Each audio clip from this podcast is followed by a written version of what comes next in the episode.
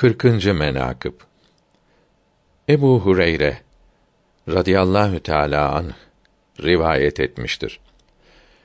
Resulullah sallallahu teala aleyhi ve sellem buyurdular ki: Üç nesne vardır ki her kim onlardan kurtulursa muhakkak kurtulur. Benim vefatım, Deccal'ın ve hak üzere olan halifenin katli. Ebu Hureyre buyurdu ki, hak üzere olan halifenin kim olduğunu Leyse ve İbni Lehiya'ya sordum. O halife Osman bin Affan'dır. Radiyallahu Teala anh dediler.